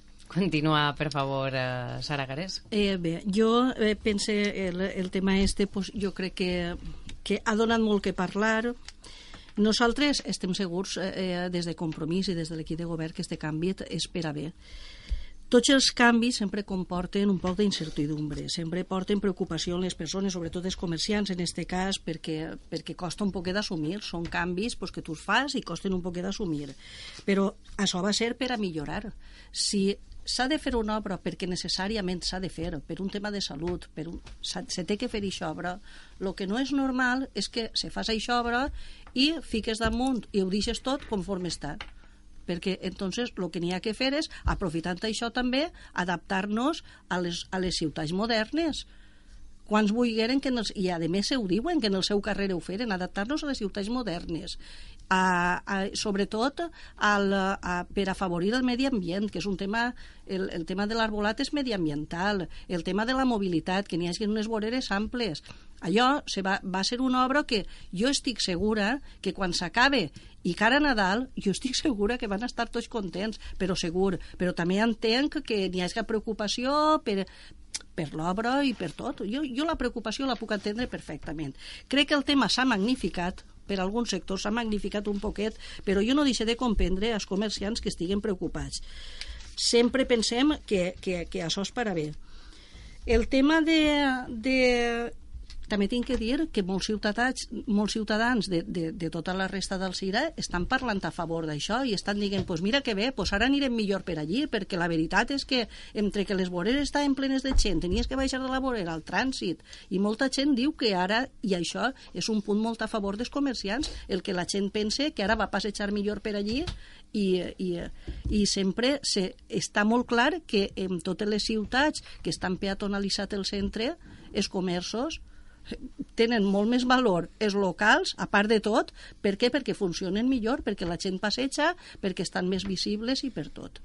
El tema que, que ha estat comentant Juanma sobre l'evacuació, este tema s'ha comentat molt, el tema de l'evacuació, perquè és un carril només, però si tenim tot el CIR aixina quasi tota, llevant de quatre avingudes que puguen ser a les afores José Sunyer Orovich, que puga ser Pare Pompili, que puga ser tot, el carrer, eh, per exemple, Francesc Carbona, que vas a l'ambulatori, aparcats als dos costats, i la majoria dels carrers, que cap un cotxe només, quan vens per Hordes Flares des de la plaça Odemà, tots els carrers estan així. Quan hi ha un tema d'una ambulància, pues, el que s'ha fet, el que fem sempre, i el que s'ha fet sempre, pues, apartar-se tots i que passi i donar-li preferència. Però que no és un cas i carrer, perquè quan estaven aparcats que estava a l'aparcament i els cotxes en doble fila i després si, si vas des de l'altre de, de, des de l'altre àngul, si te'n vas des de, per la part que està el col·legi dels patrons, ahir què fas? Si estan aparcats als dos costats, o sigui, que és que això me pareix que s'ha parlat molt d'això, però no, no té molt de sentit perquè tots estem preocupats per això d'apartar-nos en seguida tots, està tot al CIRA igual. Gracias uh, per la intervenció. Continuem amb José Luis de Ciudadanos. Vale, gracias. Pues mira, eh, nosotros de Ciudadanos creemos que no se ha contactado con la gente, pero no ahora, sino cuando se hizo el, primer proyecto, porque se han hecho varios proyectos, no uno solo. Yo vi uno y me parecía bastante bien, pero nadie se ha preocupado de toda la gente que va a estar afectada, de reunirlas y decirles, señores, nosotros llevamos pensado hacer esto. Si a ustedes les parece bien o si hay alguna otra forma. Y la gente hubiera dado también sus, su voz y hubiera dicho lo que creía conveniente. Después, eh, lo del cambio de tubería de fibrocemento, esa ha sido la excusa final. Como todos estaban en contra, se, dije, se, dijeron, no, es que hay que cambiar la tubería. Porque cuando yo vi lo primero, nadie habló de tubería. Se ha hablado ahora al final. Los centros de ciudades que son peatonales, vale, no son una arteria principal como esta. Esta es una arteria principal del pueblo. O sea, si cortas esa arteria, el pueblo, todo el centro se queda nulo completamente. Ya no puedes entrar para nada. Y otra cosa, eh, si tú pones árboles y pones maceteros, lo que tú acabas de decir, la ambulancia viene, tienes un semáforo, está el semáforo en rojo, no vas a pasar el semáforo para que otro te pegue un golpe, no te puedes apartar. No es como el otro tramo, que no tienes ningún semáforo y empiezas a pitar y se aparta la gente. Y aquí, si tienes una persona que no tiene movilidad, ¿cómo la, ¿cómo la recoges? Paras en medio, cortas todo tránsito. Si hubiera entre árbol y árbol un espacio para un momento dado poder hacer eso, pues tampoco creo que hubiese mucho problema. Pero es que no, no existe. Nadie puede parar, absolutamente nadie. Antes sí, había abuso porque aparcaban en doble fila, pero se preocupaban de denunciarlos para que no volviesen a aparcar. No, no, no, que yo lo he visto. Que salgo enseguida, que salgo enseguida. Va, va.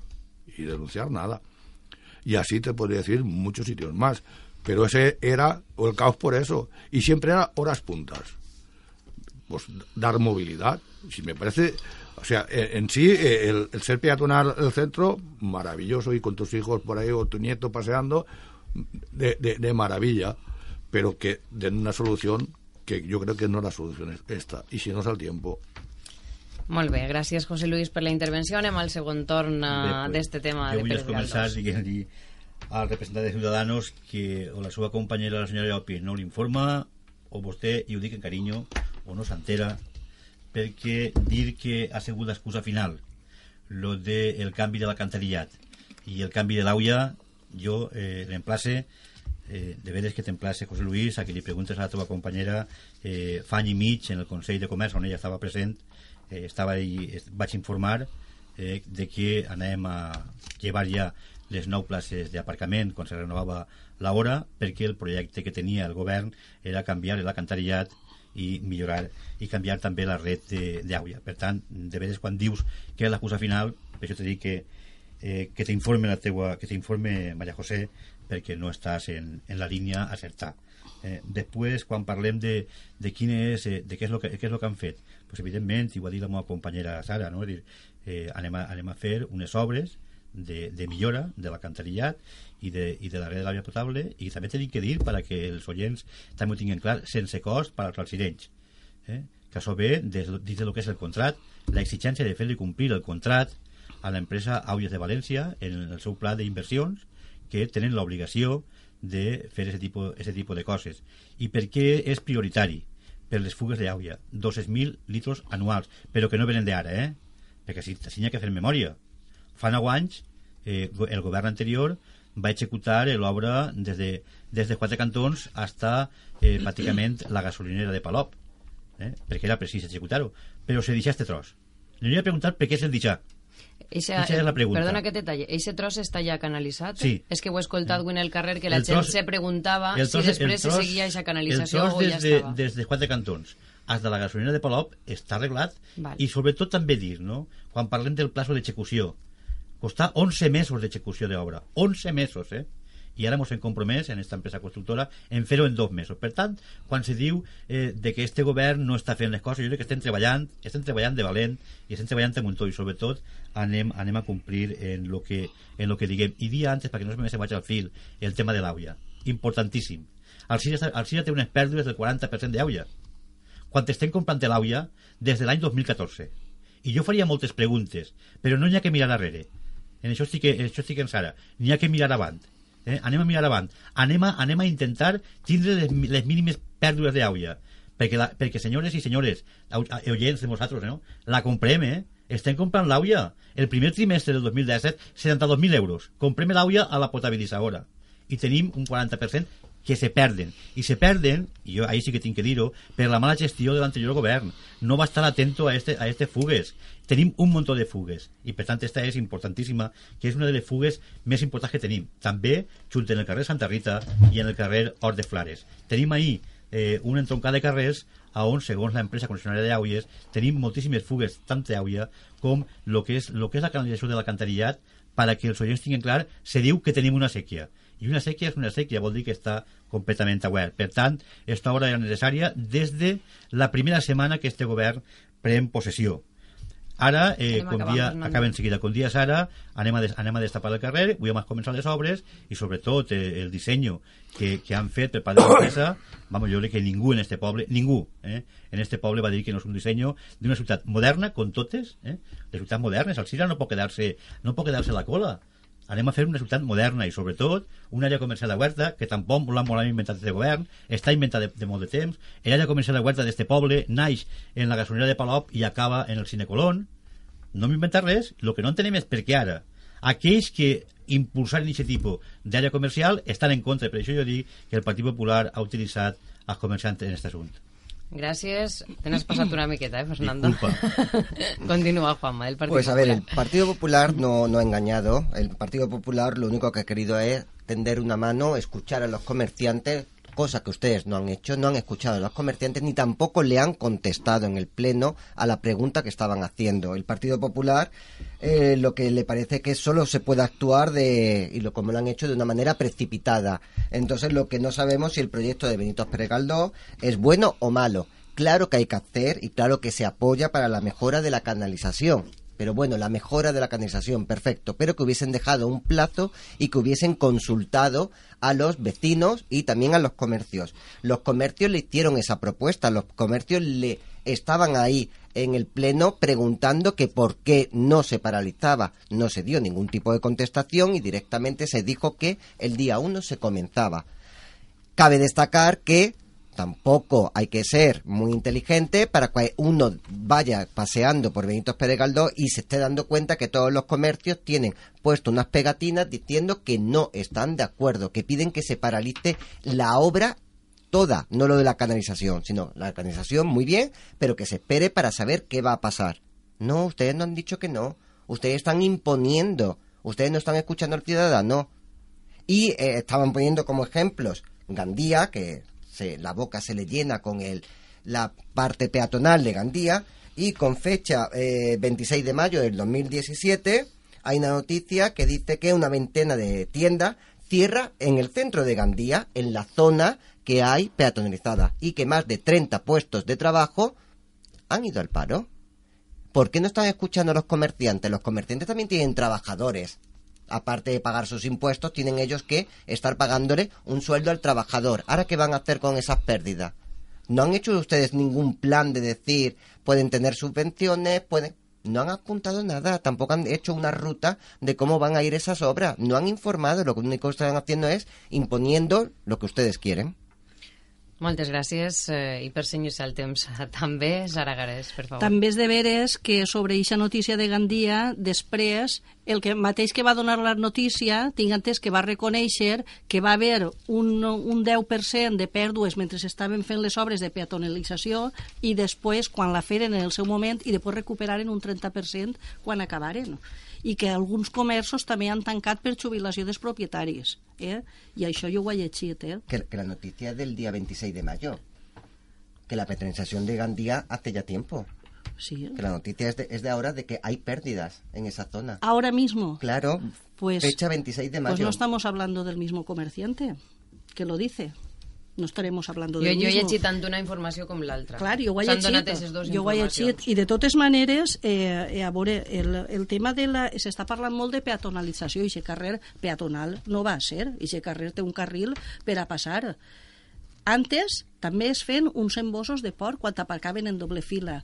Eh, José Luis, representant de Ciudadanos, me diu que no denunciaven. Sí que denunciaven, però no anaven a saco denunciant per lo mateix que diu, perquè algun comerciant a lo millor parava un momentet a baixar una cosa i si no estava obstaculitzant en aquest moment que fluïa el trànsit, l'Ajuntament no té mai afan recaudatori en el tema de denunciar. Si no és precís, no ho fa. I quan denuncien a vegades, diuen que és per...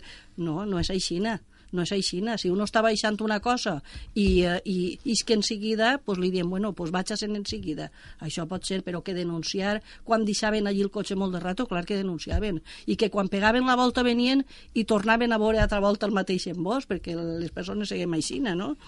I, eh, i en fi, jo, jo pense que, que quan s'ha fet alguna... No sé, a, a vegades m'ha donat que pensar, pues, si quan fan, per exemple, una, una shopping night o una cosa d'estes del comerç, justament se demana que se tanque el carrer, que se tanque el carrer, que no passen cotxes, perquè, perquè sí, perquè així és millor, perquè la gent eh, eh, és que anem a passejar, ho veiem millor, mos agrada veure les tendes, mos agrada entrar, mos agrada si poden comprar algo i per als comerciants és millor. No entenc això ara, perquè jo crec que si entonces se tanca el carrer para que la gent puga comprar millor i puga veure millor tot el que tenen, si ara tenen les voreres més amples va ser igual. Sara, perdón, eh, lo del shopping night, el ejemplo que estás poniendo también es por seguridad. No se va a hacer un shopping night, Sí. la tienda abierta, que Sí. el ciudadano esté paseando Sí. y que los coches estén pasando. Se supone que piden cerrar, lo mismo que en fallas piden cerrar, pero es por seguridad. Pero porque tienen unas aceras muy estrechas. Bueno, pero por seguridad. Y va mucha gente. Si ara les tenen amples, no sé, bueno, a lo millor estic jo en un error. Bueno, Continuem amb José Luis, eh, la seva intervenció. És l'última de, esta, Yo, por, por de lo, este que, tema, de por lo que ha dicho aquí Fernando, vamos a ver. Eh, yo hace más de un año que en el Consejo de Medio Ambiente vi los dibujitos muy bonitos, muy chulos, y que iban árboles, iba una tela para que eh, el agua se quedara allí y fuera eh, tuviese más humedad y así estaría más fresco en verano y cosas de esas. Y el problema que había eh, para poner los árboles era porque estaba lleno de tuberías de agua, gas, teléfono, colector y de todo. Pero nadie, nadie dijo eso. Y sí que es verdad que se pierde mucha agua, pero también sabes que yo también he estado en esos consejos, que la mayoría estaba en otras zonas, no ahí solamente. Vamos a ver. Jo crec I- que José Luis, que no estàs ben informat. Eh, Bé, pues hemos vols- estado juntos los dos. I si vols, i si vols vine, vine eh, i te- i t'ensenyen totes, totes, les fugues, totes les fugues que avui estan, avui estan eh, més o menys que ho se sap, perquè només de, el poble del Cira té un problema i és que tenia que tindre la sectorització a acabar i només té tres, tres sectors dels nou que tenia que tindre. I per tant, anem a veure si tu saps que anem a veure de quina manera podem sectoritzar-lo per saber i detectar on tenim les fugues. I de moment, on estan detectades és, és així i en el resto, en el resto no tenim detectades quines són les fugues. Sí que sabem que és el 40% però no s'ha detectat on és. Si és que I això tu has estat en aquesta reunió i ho saps, per això te dic jo Ah, que, que me digues que saps, tu saps on estan les altres fugues, No. pues vés a a l'empresa que possiblement No, no, te no, no. te Fernando, fitxen anem a deixar acabar a, no, que, a José que que Luis. sea- posiblement te fitxen y no facha falta invertir Se en quería la hacer por sectores para localizar exactamente dónde estaban, pero todavía no está, están haciendo los, los sectores. Sí, me parece muy bien. Pero que no digas que solamente aquí ya se pierde más que en toda Alcira, que no es correcto. Que esa es una excusa. Això no ho- això no ho he dit jo, eh? Es una excusa. eh. que és així, perquè més que tot el cinema de dir que així tenim concentrat en estos tres carrers, que tenim, tenim, tenim una concentració perquè ho sabem, perquè només n'hi ha tres sectors Saldría por una parte u otra. Que ja s'han analitzat, no? Tres Claro, que ja analitzats estan i la resta que no de l'anterior- analitzats. de la- Está anterior haciendo ese sectores corporació. para eso, para que no, no se pierda Bueno, agua, va, para localizar De los Luis. aquestes coses sempre porten pues, un poc de mareig. Sí, anem a deixar així el tema. Mm, Jo sí que vull puntualitzar dues coses, simplement com a observadora, no? Jo no vic així, però treballe així. És de veres que en estos carrers, inclús en escoles pies, mm, veus mm, que l'aigua està a punt de brollar molt bruta, molt bruta, són aigües eh, residuals, vaig a on va tot el claveram, jo a vegades ho veig i em, i em, em preocupa un poc, eh? Eh, En este carrer parle, que és el que jo més xafe, que és on, tre on treballem, en escoles pies. I després, ja que no estan així els comerciants, hem seguit les seues protestes, hem recollit les seues reivindicacions. Recorde que així ja farem un debat dedicat exclusivament a aquest tema, on van vindre els, els comerciants i després han tingut este plenari i sí que el que a, a mi m'han contat quan els he dit mm, es posa la teua queixa i dis-nos els ha paregut mal la manera en què se'ls han anat comunicant les coses. El propi alcalde d'Alcira ho ha reconegut, que tal volta l'estratègia comunicativa no ha sigut la, la més adequada, però també han coincidit eh, tots els comerciants en els que jo he parlat, actuant com a portaveus, eh, com ha sigut el cas de, de Javier Carbonell, com en la resta de Pérez Galdós i també de, del carrer Ordes Frares, que els, el disseny els agrada molt, que al final els pareix que, que, que va quedar molt bé, Sí, sí, sí, vull dir, jo tinc que estáis de veu ahí, és el que ells m'han dit, eh, simplement. Però que no els ha paregut bé eh, el, diguem, el, el sistema de comunicació que ha utilitzat l'Ajuntament en este tema, que primer han explicat una part, després han explicat les obres i que pensen que, que si hagueren començat explicant-los a d'ells molt bé este tema i diguent-los què vos pareix mm, els haguera paregut millor. Això és el que ens han dit, almenys, els periodistes. Quan, estan en el seu quan dret d'expressar la seva opinió, faltaria més, clar que sí. Sí, eh? I, I tal vegada pues, hagi sigut així, Però també clar. hem d'encontrar una cosa, Elisa, no? que, que evidentment que tots diguem que però sí que la informació eh, se dona en el puesto se tenia que donar. Perquè a vegades diguem eh, per què creem els consells eh, en aquest cas els consells de participació. Existeix un consell de comerç i ho hem repetit moltes vegades que al final aquest Consell de Comerç, els seus representants, eh, i ahir ten, jo dic que ens tindrem que, que mirar a veure què és el que passa, i això eh, coincidís que en l'alcalde, no? Dir a veure què és el que és que passa, eh, perquè se dona la informació en un Consell de Comerç, i així ja ho heu vist, per exemple, José Luis, no? i és la seva companyera de partit, i sin embargo ell, ell confundix eh, la comissió de, seguiment de l'AUIA en, el, en el Consell de Comerç. Vull que dir jo que a vegades eh, les coses no sabem canalitzar-les bé, doncs anem a intentar canalitzar-les el millor possible. Sí, I això és el que ha passat així, eh? però És- és molt puc dir- important però el- dir, el i tema així- comunicatiu. I els heu Sí, dit sí. a tots els comerciants en l'event que han fet que eh, la informació s'havia donat, que s'ha donat molta informació en diferents consells, perquè també José Luis ha fet menció al Consell de Medi Ambient, és a dir, que els consells de participació han tingut informació, i ahir s'han representats tots, que no ha arribat a el senyor d'ahir al costat, pues és possible, és possible. I això és el que tenim que millorar, la, la comunicació que arribes al final, perquè són consells representatius, que se representen persones, i a lo millor pues, no aplega. Però jo crec que, que al final aquest error de comunicació crec que és un poquet de tots. De la diferència de- de- d'això, de, de l'experiència, se té que dependre sempre. Exacte. I és, és simplement, com ja que ells avui no estan així, perquè Sí, no, no sí. correspon, mm, dir-vos que és, és el que ells ens han comunicat sempre, tant així, al debat, eh, crec que Fernando també estigué, ho digueren, i, i després sempre ens diuen això. Sempre ens diuen si al final el, ens agrada, ens agrada molt el disseny del carrer, i ens agrada molt com quedarà, però clar, mm, ens hem trobat de sopetó en molta informació, saben, tenen por, és, és evident, tenen por Sí, sí. de, de que les vendes vagin a baixar i de més. Això és normal. Cuando más de compañera en el 50 ple. comercios son los que presentan para que se haga esa moción, no creo que muy de acuerdo estuviesen. Cuando más de 50 comercios son los que firman y son los que dicen que se paraliza hasta que no esté todo el estudio.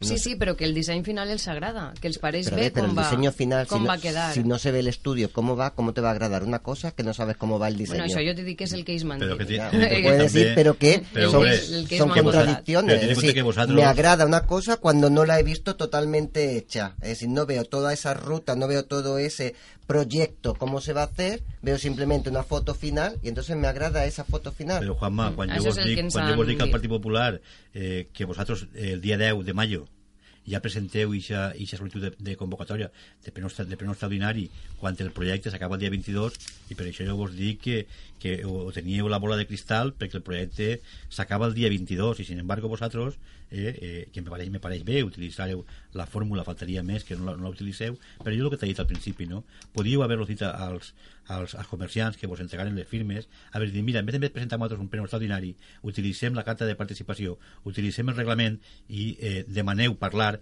en un pleno, en un pleno ordinari i no, no, vereu, no vereu polititzat d'alguna manera, i enganyat, i ho dic en carinyo, enganyat els comerciants. Pues yo, con cariño te digo que no digan más engañar, porque eso es estar ofendiendo a Pues mi no, partido y a mi persona, ¿eh? y por supuesto es políticamente que, parlante, ¿eh? pues Yo- políticamente parlante, te comento también que el decir que el haberlo hecho de otra forma, que hubiese cambiado, que el alcalde no dijo sí o sí se hace. No, el alcalde que no va a decir palabras. Al decir entonces Eh, que uno el alcalde hace... no se no les va a eh? això, se referia Això a sí o sí el tema eh? de, de el tema per el tema sanitari de l'aigua, eh?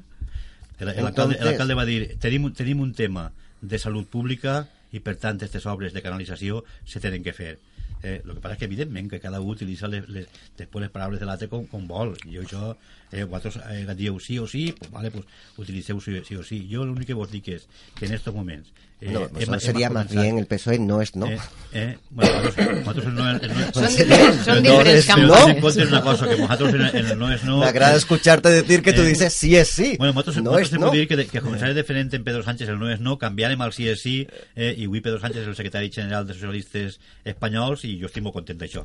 Ja havia fet campanya i estan molt contents així en els, els socialistes. Anem a deixar-ho a- en este moment eh, en el tema de les obres de Pérez Galdós. Segur que anem a tornar a parlar d'això, segur que dona, que dona més, de, més de sí. I eh, ens queda un tema, sí que vos he de dir que mos hem menjat una miqueta el temps i gràcies a que al principi, sobretot, ens hem portat molt bé, mm, encara podem tractar-lo i no se queda fora. O sigui que per això sí que ens hem de felicitar.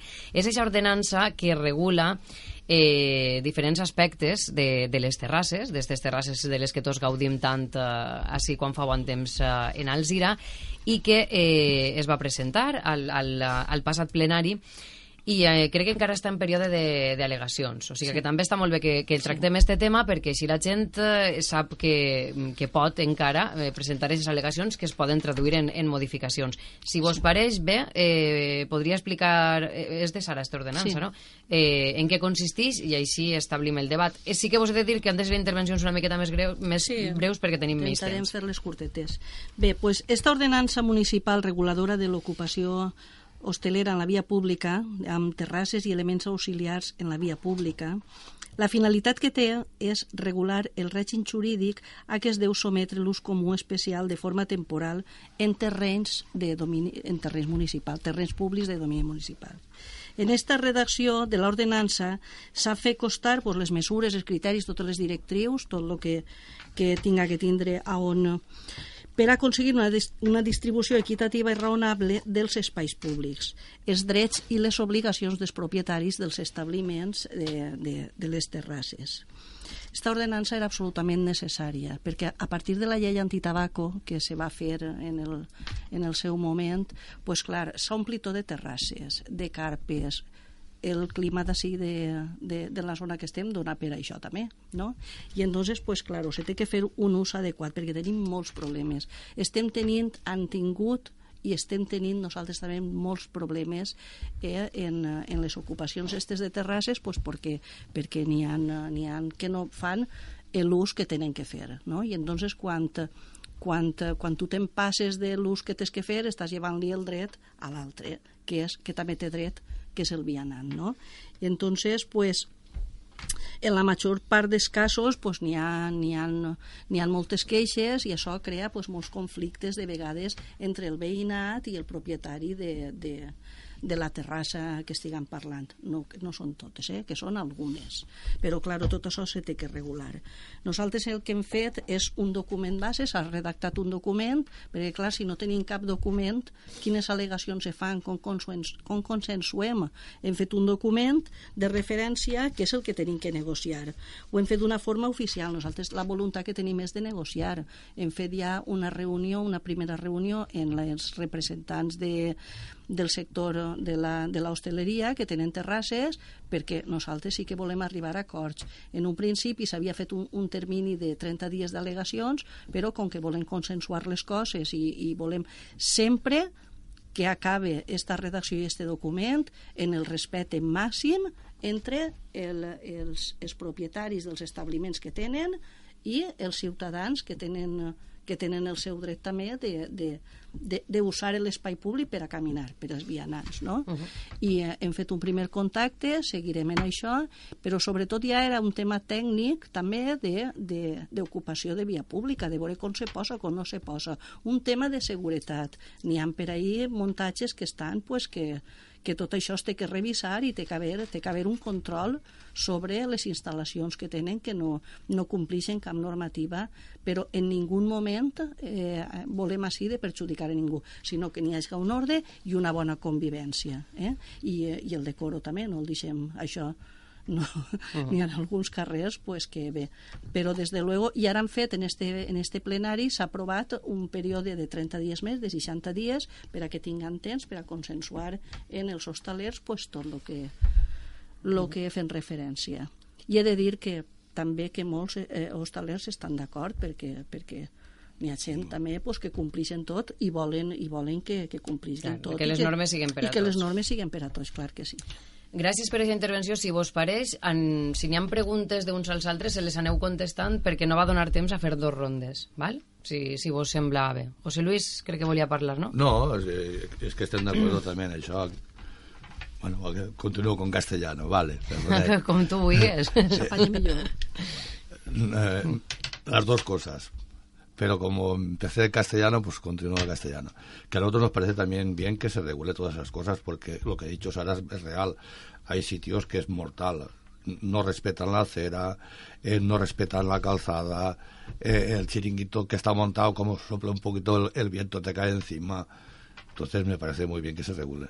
Y además, eh, la gente que hemos estado nosotros hablando, la mayoría de los hosteleros, por no decir todos, están de acuerdo. Quedando de cuatro que han plantado la oreja, los demás estan d'acord con eso.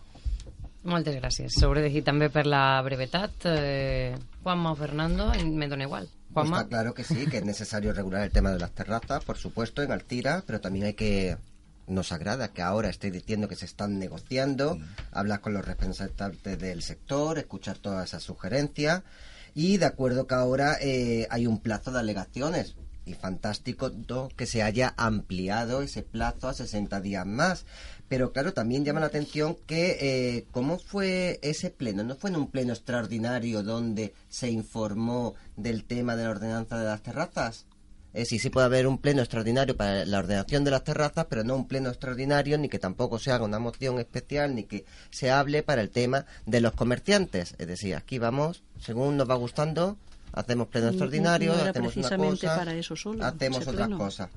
Pero hay que pensar también que los hosteleros son trabajadores de Altira, Claro que que pagan sí. sus impuestos y que lo que intentan es sobrevivir con sus negocios. Entonces, muy bien que se regule el tema de las terrazas, pero no intentemos asfixiar a esa área que es el área de la hostelería. Es referís, m'imagina, a que s'ha parlat d'una una igualtat cromàtica, crec que mm, parles Sí, d'aquest no puede tema, haver no? publicidad, no De que puede que la sombrilla, no, iguals. no asfixiem a ningú Bé, i, i de fet ho consensuarem en ells i, la, i les persones que no ho tenen que no tenen, que no s'adapten a lo que tinga que ser també se donarà nosaltres en principi havíem donat un període d'adaptació de 24 mesos per a que se regularitzara i ja veurem de quina manera però encara està tot per consensuar amb ells o sigui que no va ser d'avui pa demà això, però sí que tenim que fer alguna evidentment, uh -huh. perquè si no se té, que, se té que tindre, se té que viure des del respecte en la convivència entre tots, perquè si no és molt complicat. I tots són ciutadans, eh?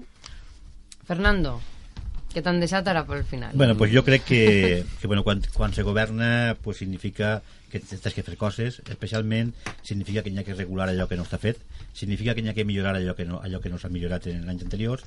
I sobretot este tipo, esta ordenança significa lo que, lo que s'ha comentat per la meva companyera Sara, significa donar-li donar una regularitat eh, a lo que és eh, el decor del nostre poble. Alcira té que ser una ciutat moderna, té que ser una ciutat atractiva, com són en, altre- en altres puestos, i només han fet que eh, fer les coses que anterior, en anterioritat no s'havia fet. Esta ordenança no existia i per tant pues, jo crec que el Partit Popular havia deixat una ciutat sense llei, així cada un muntava, muntava el xiringuito on volia, sense ningú tipus... N'hi ha xiringuitos inclús en, en palets, eh? Dir, no ha... Vull dir que, que al final, i per això jo dic que quan uno governa, governa per a treballar. Este govern, i portem dos anys, eh, tenim una dedicació una dedicació de treball completa, atenem els ciutadans com, com mos toca, no tenim llistes, llistes d'espera, com a vegades se diu, que hi ha llistes d'espera, a mi me costa que també l'alcalde està ahí i a vegades s'ha dit, no, i no me'n recordo quin pleno va ser, no diu, és que l'alcalde no recebeix a ningú, però bueno, home, l'alcalde està allí des de, des de les 8 del matí a les 9 i no del matí sinó de la nit, i per tant este govern és un govern que treballa, a mi me sap mal quan les coses s'intenten confundir, no? A mi no me sap mal que me diguen quan jo m'equivoqui i a més en seguida ho reconec, però quan s'intenta confundir la gent, no és el mateix que ara el representant del Partit Popular ha intentat confundir en este pleno en un altre. No, este pleno no té res que veure en un altre, i este pleno va ser un pleno extraordinari perquè era precís, perquè cada dia que passava eh, els accidents han d'ahorrar-se 5.000 euros per un contrat de la limpieza. I, i entonces digueren, bueno, com som un govern que treballem, anem a portar dos ordenances més i aprofitar aquest pleno para eh, no ser un pleno només d'un punt, que n'hi havia que fer-lo para que els residents s'ahorraren 5.000 euros diaris d'aquest nou contrat de FDC. I quan parlem dels plenos, antes dia, dia representant del Partit Popular, és que hi ha plenos de moltes classes i que t'abutxen i tal. Jo dic, sí, sí, però és que a mi m'agrada que m'abutxen quan, quan el personal se manifesta, eh, però sobretot, si m'abutxearen com vos han anunciat a vosaltres, als del Partit Popular, per fer pais especulatius, de veres que m'ho pensaria, no? Jo, que, que vinga la gent i se manifeste en llibertat, eh? que, bueno, pues que, que no, no està clar que vinguen a butxear perquè no deuen de vindre, però si venen i m'abutxeen, expressant la seva llibertat, perquè defenen, com va ser, com va ser el pleno passat, pues ixa, ixa llibertat d'expressió, eh, en, en les palmes, bueno, pues molt bé, ens aplaudixen i ens abutxen, però sobretot me sabria molt de mal que algun dia eh, vingueren els veïns d'Alcira a butxear-me perquè consentix eh, especulacions com s'han contit en este poble. Per al·lusions, eh, no sé si Juanma vol dir alguna cosa i vos he de dir que ens queden només dos minuts. Aprofitem-los de la millor manera possible. Si algú li s'ha quedat algo en ganes de soltar-ho, pues que ho diga ara. Sin comentario. Hablar del pasado nada. Però és que a vegades, a vegades Juanma, n'hi ha que parlar de, del passat per a refrescar la memòria de, de lo que ha ocorrit te ho dic jo perquè tu dius, tu has fet, has fet una menció i has dit el mateix que digueu en el pleno, eh, des de, has dit, no contra no te n'has anat, eh, que encara hi havia gent molt xocotigua, eh, has dit des de la moció de Paco Blasco, ho, digue, ho, ho has dit tu sí ara i ho diguereu, ho diguereu en el pleno també, pues home, pues el que te'n va passat eres tu, jo simplement te conteste que són distints plenos. Si contestares, quan... otra vez empezar a hablar Ay, pero, y otra vez empezar a discutir, pero, pero he, he querido dejar el tema por, educa dit, por educación. Jo, jo, jo te, te respecte també con tu a mi la meva educació, eh? i jo te dic, i no perquè jo te conteste siga molt educat, sinó que te dic que eh, tu has dit eh, has menció al, al pleno de la moció de Paco Blasco i jo te, te conteste en la mateixa línia dient que, que és plenos i, has dit, i hasta ara no s'havia fet mai a mi no me mal un pleno que els meus ciutadans vinguin a protestar-me mai me sabrà mal perquè exerceixen el seu, el seu dret i la seva llibertat, sempre en, respectant el que són les formes. I te puc dir que respectar, com l'alcalde d'ahir, va respectar a la gent, jo, en el que porta l'Ajuntament, no ho he vist mai, mai i l'anterior govern i l'anterior presidenta de la corporació no te pots imaginar, i si no us t'invite a que vegis les, les videoactes, com tallava i com te llevava la paraula i com apretava el micro i no te deixava parlar. Per tant, este alcalde és un alcalde exquisito i el que va consentir ahir demostrar talante, amabilitat i saber estar. Claro, a, a mí me ha callado el alcalde y a concejales, compañeros míos, y hablo de 2017. Te diré, te diré més. Eh, fe, fereu, fereu, fereu un reglament, eh, vosaltres, no admitireu ni les, ni les esmenes de l'oposició. I teniu un artícul, eh, i llistelo, que sabeu què, què digueu en aquest artícul? Ciñase usted al punto. Y vosotros no feu cas ni de lo que vosotros habéis aprobado. Pues lo mismo, ciñase usted al punto que vale. estamos hablando ahora mismo, que ordenanza i ara, terraza. Ara ens hem de senyir, a, que és l'hora. Moltes gràcies a tots per haver uh, participat i, i moltes gràcies a Compromís per dur una dona, que jo estava demanant des del primer debat. Jo dic, a ja, veure, pues bueno. que tots els grups en teniu. És que estem, estem ja en el temps. Si vols mig minut, uh, sí, sí, jo, perquè és del teu... Jo el que sí que volia dir és que nosaltres, a veure, a veure totes aquestes coses que estem fent, nosaltres arrepleguem eh, el sentir de la ciutadania, no? I entonces nosaltres estem així per a intentar solucionar els problemes que, que, que els, els ciutadans ens transmeten i també els que nosaltres vegem. No fa falta, com és el tema d'esta ordenança, com és el tema... Eh, crec que la nostra tònica no és, no és prometre res, sinó treballar i intentar-ho. Treballar i intentar que isga, prometre no, perquè no prometem però sí que fem tot el possible perquè les coses isguen endavant perquè sempre és el millor, eh? Sempre és el millor, treballar sobretot. Moltes gràcies a tots uh, per treballar, que, que me consta que Per tots... això estem, per que tots se per això peu. nos pagan así para que Es treballem. que, es que no- nosotros somos trabajadores No del pueblo, n- no el pueblo nuestros trabajadores. Efectivament. O Moltes que- gràcies a tots per aquest treball que ho feu. També moltes gràcies per haver-nos cenyit prou al temps perquè hem pogut tractar tots els temes que, que havíeu proposat i això està molt bé. Gràcies i ens tornem a veure en l'endemà del mes de juny. Gràcies. bien, Fins a la próxima. Gràcies a vosaltres.